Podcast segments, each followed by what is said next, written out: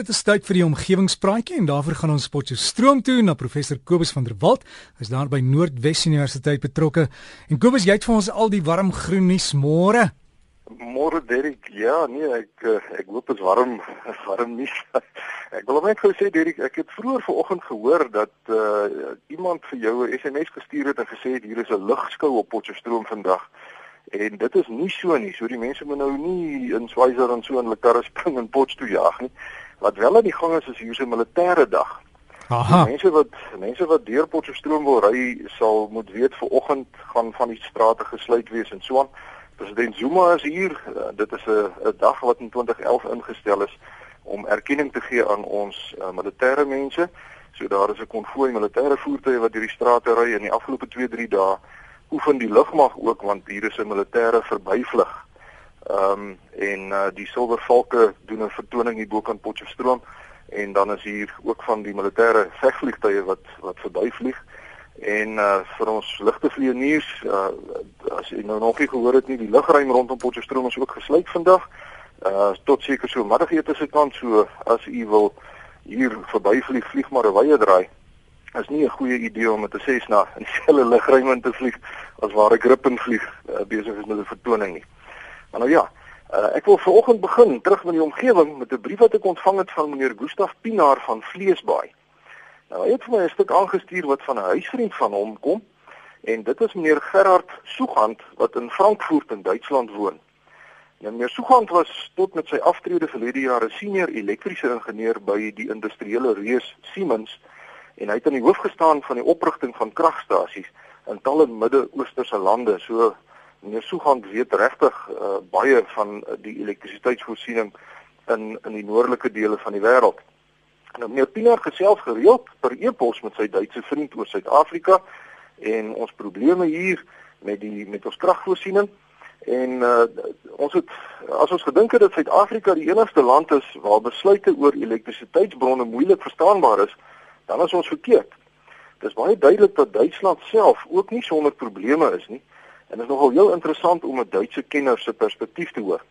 Nou eerstens kernkrag. Nou so gaan sê dat Duitsland die meeste van hulle kernaanlegte na Fukushima gebeur het onmiddellik afgeskakel het en dat die res binnekort ook afgeskakel en afgebreek gaan word. Duitsland gaan heeltemal weg van kernkrag af. Dan het hulle ook 'n paar gas-aangedrewe kragstasies en hulle skakel sulke stasies ook nou af omdat die son- en windkrag in Duitsland ontsettend vinnig gegroei het. Net in 2014, verlede jaar, is daar 3600 megawatt se windkrag tot Duitsland se netwerk bygevoeg. En dis omtrent soveel soos 3 kernkragstasies. Nou Duitsland se kragopwekkingsvermoë oorskry hulle verbruik op sonnige en winderige dae tans by verre. En hulle oormaat elektrisiteit word dan aan hulle buurlande verkoop. Maar nou is hier 'n kinkel in die kabel want meneer Soegan sê dat die buurlande eintlik nie die krag wil hê nie. Hulle het genoeg elektrisiteit van hulle eie. En Duitsland moet hulle buurlande soms 'n sent of 2 per kilowattuur betaal om die oormaat elektrisiteit dan nou in te voer. En niemand in Duitsland verstaan mooi hoekom dit so is nie. So dit lyk my nie, dis dis nee, dit, dit lyk my dis nie net hier by ons wat ons nou nie altyd die besluite so mooi verstaan nie. Nou ofskoon Duitsland meer as genoeg elektrisiteit het, sit hulle nou met 'n verspreidingsprobleem omdat die meeste sonenergie in die suide van die land geproduseer word terwyl die meeste windenergie langs die noordelike kus opgewek word. So daar moet dus nou 'n kraglyn wees van noord na suid deur Duitsland om die oneweredige opwekking uit te balanseer. Maar meneer Sugan sê daar is deesdae 'n klomp Duitsers wat verskriklik bang en kwaad is vir alles. Hy sê die algemene publiek noem sulke bang kwaai mense fury citizens want hulle beklei letterlik oor alles en met almal. Nee, so gaan sê die Fury citizens is bang dat die sterre uit die hemel op hulle koppe gaan val. Hulle is kwaad omdat hulle kinders dalk deur Al-Qaeda ontvoer kan word. Hulle wil hof toe gaan omdat hulle honde deur aardverwarming benadeel gaan word en ook omdat so 'n noord-suid kraglyn nou kon sy hulle gesondheid gaan benadeel. Kortom, hulle kla en beklei oor alles. En lyk my dis 'n wêreldwye verskynsel dat party mense nou maar net eenvoudig met 'n doring in die voet gebore word en hulle bly hulle lewe lank net so. Ons ken sulke mense, hulle kla en beklei oor alles. So lyk my daar's in Duitsland ook van hulle. Maar in alle geval, die Fury citizens dink nou daarop aan dat die nuwe noord-suid kraglyn in Duitsland nie nader as 1 km van enige bestaande gebou af mag verbyloop nie. wat dit natuurlik amper onmoontlik maak om so 'n kraglyn te bou. Nou Duitsland het ook kragonderbrekings, maar dit is gewoonlik nie langer as 'n halwe dag op 'n keer nie. En indien beurtkrag by hulle ooit ingestel sal word, is dit nou tipies Duits baie vo eh, goed vooraf beplan, want die woonhuise se krag sal eers afgesny word, terwyl belangriker goed soos hospitale en radio en TV-stasies se kragvoorsiening konstant gehou sal word. Maar dis iets wat baie onwaarskynlik is in Duitsland omdat hulle 90000 megawatt se spaarkapasiteit onmiddellik beskikbaar het omdat hulle aan die hele Europese netwerk gekoppel is. Uh dis 'n totaal verskillende situasie as wat ons hier in Suid-Afrika het waar ons bykans geen uh, spaarkapasiteit het nie.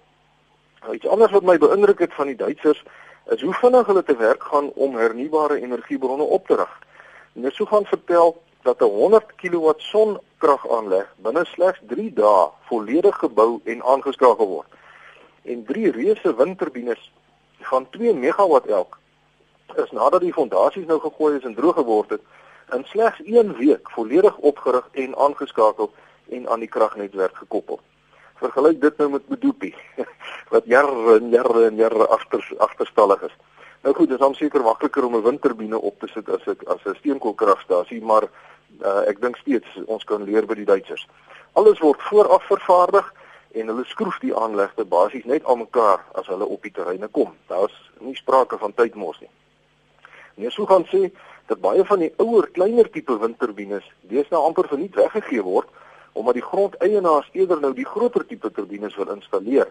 En Oos-Europese lande staan nou tou om hierdie kleiner turbines af te breek en na hulle eie lande toe te vat. Nou 'n interessante toekomstige ontwikkeling in Duitsland is die installering van intelligente kragverbruikmeters in die huise.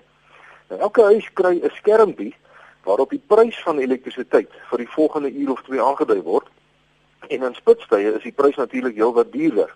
So elke mens kan nou self besluit of jy jou wasmasjien of jou tuimeldoor of wat ook al in die duurtyd wil laat loop en of jy 'n bietjie gaan wag tot die elektrisiteit goedkoper is. Hulle dink nou ook daaraan om selfs 'n logies programmeerbare beheerder of 'n PLC soos in Engels bekend staan, ook in die uh, skermpie in te bou sodat jou huis self dinge soos wasmasjiene en tuimeldroër sal kan aan en afskakel na gelang van die prys van elektrisiteit op daardie oomblik. Baie dankie meneer Gustaf Pinaar van Vleesbaai vir daardie interessante bydrae. Nou ja, dis goed en wel dat hernubare energiebronne reg oor die wêreld in 'n vinnige tempo opgerig word, maar nou weet ons almal dat die probleem met wind en sonkrag die berging van elektrisiteit is vir tye wanneer die son nie skyn nie en die wind nie waai nie. En in hierdie verband het ek 'n brief gekry van meneer De Tooy Meyer wat sê daar word ge, uh, deesdae gepraat van krag wat nou bedags deur sonpanele opgewek word wat dan in sout geberg word sodat dit snags gebruik kan word. Nou vra meneer Meyer, waarvan praat hulle en is dit nou gewone sout wat hier ter sprake is? Baie dankie meneer Meyer vir u vraag. Ehm um, die eerste ding wat ek net moet regstel, gesmelte sout word nie by sonpanele gebruik nie maar wel by gekonsentreerde sonkragaanlegte. Nou dis nou daai aanlegte waar 'n paar duisend spieëls rondom 'n toring gebou word en hulle almal weerkaats die son dan na een plek toe op die toring. So hulle fokus die son daar. Soos byvoorbeeld die nuwe aanleg wat naby Appington uh nou gebou is. Nou in elk geval die gefokusde son maak dat die temperatuur op die toring tot amper 600 grade Celsius kan styg. En hulle fokus dan al die spieëls op 'n houer waarin daar dan 'n mengsel van soutte is. Dis gewoonlik 'n mengsel van natriumnitraat, kaliumnitraat en kalsiumnitraat, maar dit dit wissel van aanleg tot aanleg. Uh, hierdie soutmengsel smelt by omtrent 130 grade Celsius. So die gekonsentreerde son se 600 grade Celsius kan hierdie klomp sout dan vinnig en maklik smelt. En die vloeibare sout word dan in pype deur water gepomp sodat die water stoom word en die stoom draai dan turbines wat vir ons elektrisiteit opwek. Nou kan 'n mens egter 'n gedeelte van hierdie gesmelte sout na 'n stoortank toe pomp wat baie goed geïsoleer is sodat die sout sy warmte behou net soos 'n warm glas koffie baie lank warm kan bly. Nou snags as die son nie meer skyn nie, dan kan mens nou die 600 grade Celsius gesmelte sout wat jy in die opgaartank gebeere het deur die hitteuitreiler pomp sodat jy dan nou aanhou om stoom te genereer en die stoom hou dan aan om die turbines te laat draai sodat elektrisiteit ook snags opgewek kan word. Hierdie stelsels is baie effektief En baie van hulle uh, kan vir ons krag gee so 6-7 ure nog nadat die son nou nie meer skyn nie. Maar party aanlegte is die opgaartank so goed geïsoleer dat die gesmelte sout selfs 'n week nadat dit deur die son gesmelt is nog steeds elektrisiteit kan opwek. Omgewingsvriende, daarmee moet ek afsluit vir oggend. Skryf gerus vir my by kobus.vanderwalt by nwu.ac.za of by die fakulteit Natuurwetenskappe Noordwes Universiteit Potchefstroom 2520. Vriendelike groete tot 'n volgende keer. Dankie Kobus en ek het vir jou huiswerk vir 'n volgende keer Kobus. Ja, Derry. Ek het gister op Janet uit gehoor hulle sê daar is lyk like my saam met een van die groot universiteite oor see 'n nuwe sjokolade op die mark wat die vel verjong. En lyk like my die navorsing is nou gedoen. Ek weet CNN het ook die storie gehad. Ehm um, man, Derek, ek sal graag die navorsing wil doen want ek wonder nog altyd hoekom moet dit nou so wees dat kos wat jou nou maar maak altyd lyk en smaak of jy dit ergens van 'n perdestal se vloer moes optel. Ja, en kom as jy ek kan sjokolade jou nou nie maar gemaak het. Weet jy kom as jy jy spot maar as jy gaan Google sal jy sien daar is 'n sjokolade die eet wat hulle reken jou kan maar maak.